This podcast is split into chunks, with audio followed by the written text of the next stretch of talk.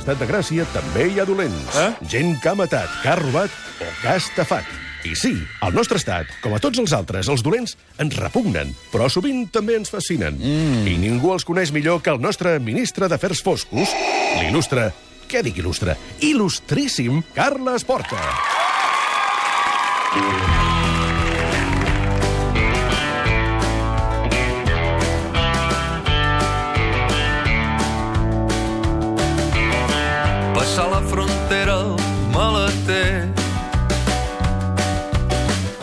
Mercedes verd i atrotinat. Doncs ja som aquí amb el Carles Porta, bona tarda. Hola, hola, hola. Per explicar històries de mitja tarda, ja ho sabeu, vam acabar eh, fa dues setmanes el crim de Bangkok i avui n'obrim un altre, el crim de Sant Ruf. Carles Porta, que ens explicaràs avui, perquè normalment aquestes històries negres de mitja tarda comencen amb l'aparició d'un cadàver. Això mateix. Normalment comencen aquestes històries amb l'aparició d'un cadàver. Un dia d'aquests, per això, potser farem alguna que no hi haurà cadàver. Ah, Eh? Mm, estic donant un parell de voltes i també hi ha molta eh, negró i investigació policial amb d'altres aspectes que no són especi específicament relacionats amb la mort. Però hi arribarà. Avui sí. Avui començarem un pelet diferent. I dic un pelet perquè tard o d'hora n'apareixerà un de cadàver.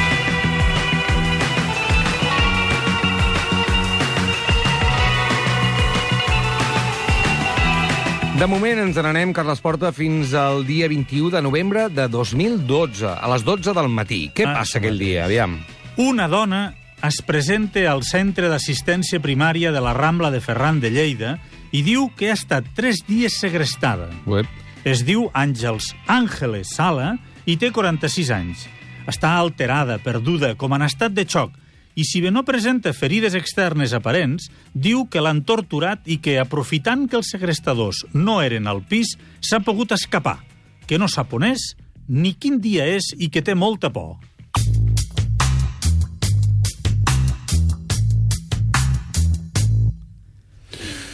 Home, no ho sé. Com, sí, de moment estic en xoc. Ja sabeu que els metges veuen casos de tots colors i senten tota mena d'històries. Però no t'arriba cada dia una dona dient que s'acaba d'escapar dels seus segrestadors. No, no, clar. A més a més, aquella dona, alterada i perduda, explica que al seu pis hi ha el cadàver d'un home. Està terroritzada.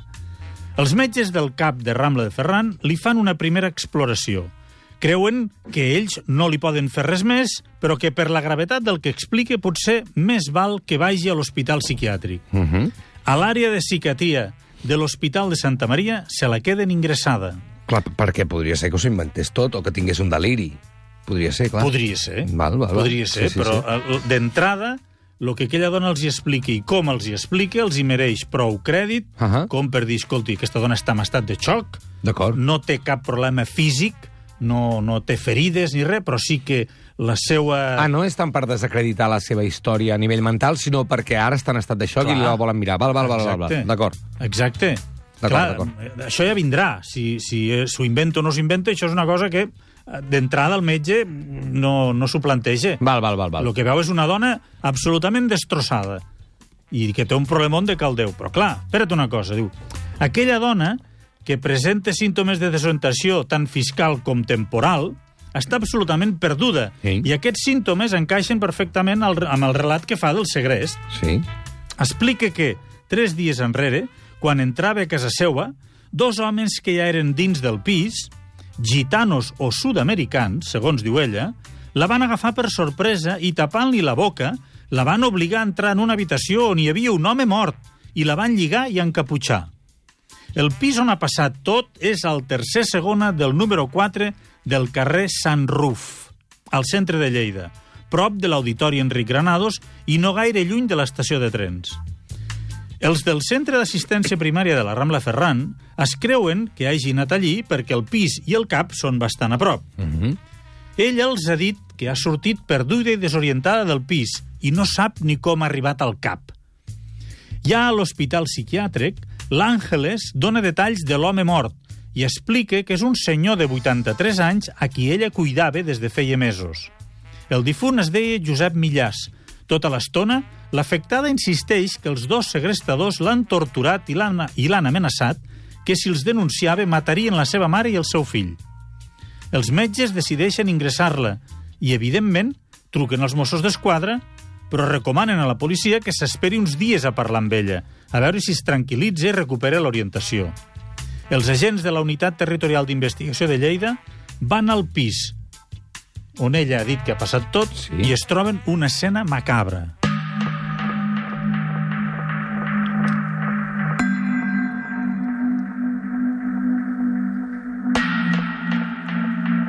Recordem que Ángeles Sala arriba al centre d'assistència primària dient que eh, l'han segrestat durant tres dies.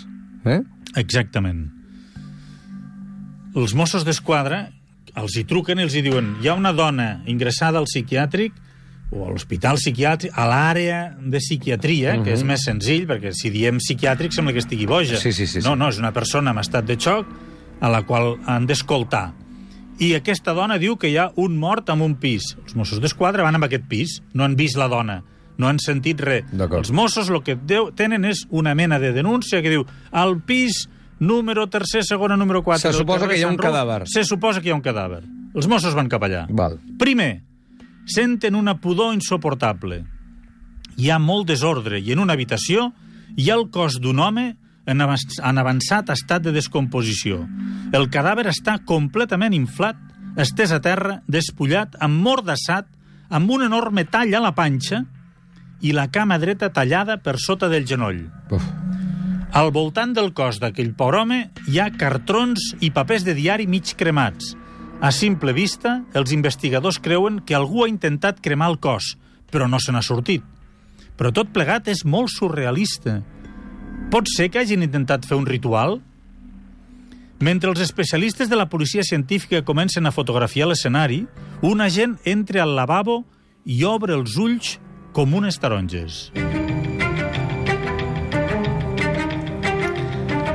A la banyera hi ha els budells de la víctima. Els agents miren amb detall i hi posen aquells polvets que deixen al descobert les empremtes dactilars i en troben en una aixeta de la banyera. De qui és? És molt probable que sigui dels segrestadors. Mm -hmm. Una altra cosa que fan és buscar empremtes per les zones de la casa que suposen que han pogut tocar els segrestadors. Tornem a l'habitació on hi ha el cos de la víctima. Al costat del cadàver, a part de molts papers mig cremats i humits per diversos líquids com sang, hi ha la capsa d'una manta elèctrica petitona, que en castellà o als pobles en diem esterilla Sí. d'aquelles per escalfar una part del cos. Dins de la capsa, dos guants de làtex de color blau. Aquests guants seran importants. Per la part exterior, per la part de fora, Sí. estan tacats de sang i d'altres restes. Sembla evident que els han fet servir per cometre el crim i manipular el cadàver. Però si fos així, els segrestadors s'haurien descuidat uns guants allà? T'ho anava a dir ara mateix, eh? Clar, no té cap sentit. Ja ho sabrem, però una A no possibilitat... ser que tinguin pressa. Molt bé! És que sempre m'ho xafes. Podria ser que mm, tinguessin previst tornar. Perquè, clar, recordem que l'Àngeles Sala ha dit que aprofitant que els segrestadors no hi eren, va marxar, es va escapar. Uh Mhm. -huh. Molt bé, els segrestadors potser van sortir i al tornar van veure que la dona s'havia escapat uh Mhm. -huh. i llavors van dir, ui, aquesta haurà anat a avisar la policia Marxem i han, corrent. han marxat ràpidament i s'han deixat aquella capsa amb tot el que té dins. Eren uns guants de làtex. Sí, sí, recordem, recordem. Molt bé. Vinga. Mentre els agents dels Mossos d'Esquadra estan recollint proves del pis del carrer Sant Ruf, els metges examinen a l'hospital la noia que ho ha denunciat i que ha explicat que a ella la van retenir segrestada tres dies. Tot això passava el dia 21 de novembre del 2012 a Lleida. Clar, ara caldria parlar amb ella un altre cop perquè està una mica més tranquil·la, Els no? Mossos van a l'hospital i esperen pacients el llum verd dels metges per parlar amb ella. Però es veu que està tan desorientada que la recomanació és esperar fins l'endemà. Perquè recordem que havia arribat eh, molt desorientada fins al punt de no saber ni on era, ni l'any que era, ni, ni el res. dia que era. Això era el dia 21 a les 12 del matí. Mentrestant, observen, mm, mentre són a l'hospital, observen Sí. la roba i les sabates de la noia. I són unes sabatilles esportives que han quedat endreçades a l'habitació i en una de les sabatilles, a la sola, hi veuen el que sembla una taca de sang. Ui. Però ella ha explicat que els segrestadors la van portar a l'habitació on hi havia el mort. Mhm. No seria estrany que hi hagués una taca de sang a la seva sabatilla esportiva. Al pis del carrer Sant Ruf, els de la científica continuen recollint tot el que els sembla interessant i continuen buscant empremtes, especialment a les portes. Segur que els segrestadors han tocat alguna porta en algun moment o altre. Però hi ha molta brutícia arreu i costa que apareguin empremtes clares. Paciència. Hem dit que en teníem una de molt clara a l'aixeta de la banyera. Sí, de qui és? Doncs ara vindrà. Ah, val. Després buscarem de qui és, perquè, clar, el que és fonamental és tenir un sospitós per poder fer la comparació. Si no és d'algú que ja està a la base de dades de la policia, perquè llavors uh -huh. les Mhm. comparen, han de tenir un sospitós, prendre-li les empremtes i comparar-les. Ai, com moment- si... També podria ser d'ella. És que pot ser que no hi hagi cap segrestador. Mm, Bueno, ja ho veurem. Ja ho veurem. Callo, ja ho veurem. callo, callo, callo. Ja ho veurem, anem Callo. a pams, Mhm, anem a pams. mhm. L'endemà, la dona continua ingressada a l'àrea de psiquiatria i els metges encara la veuen massa afectada. Millor que la policia s'espere un altre dia per parlar-hi. D'acord. Mentrestant, els Mossos van a parlar amb els veïns.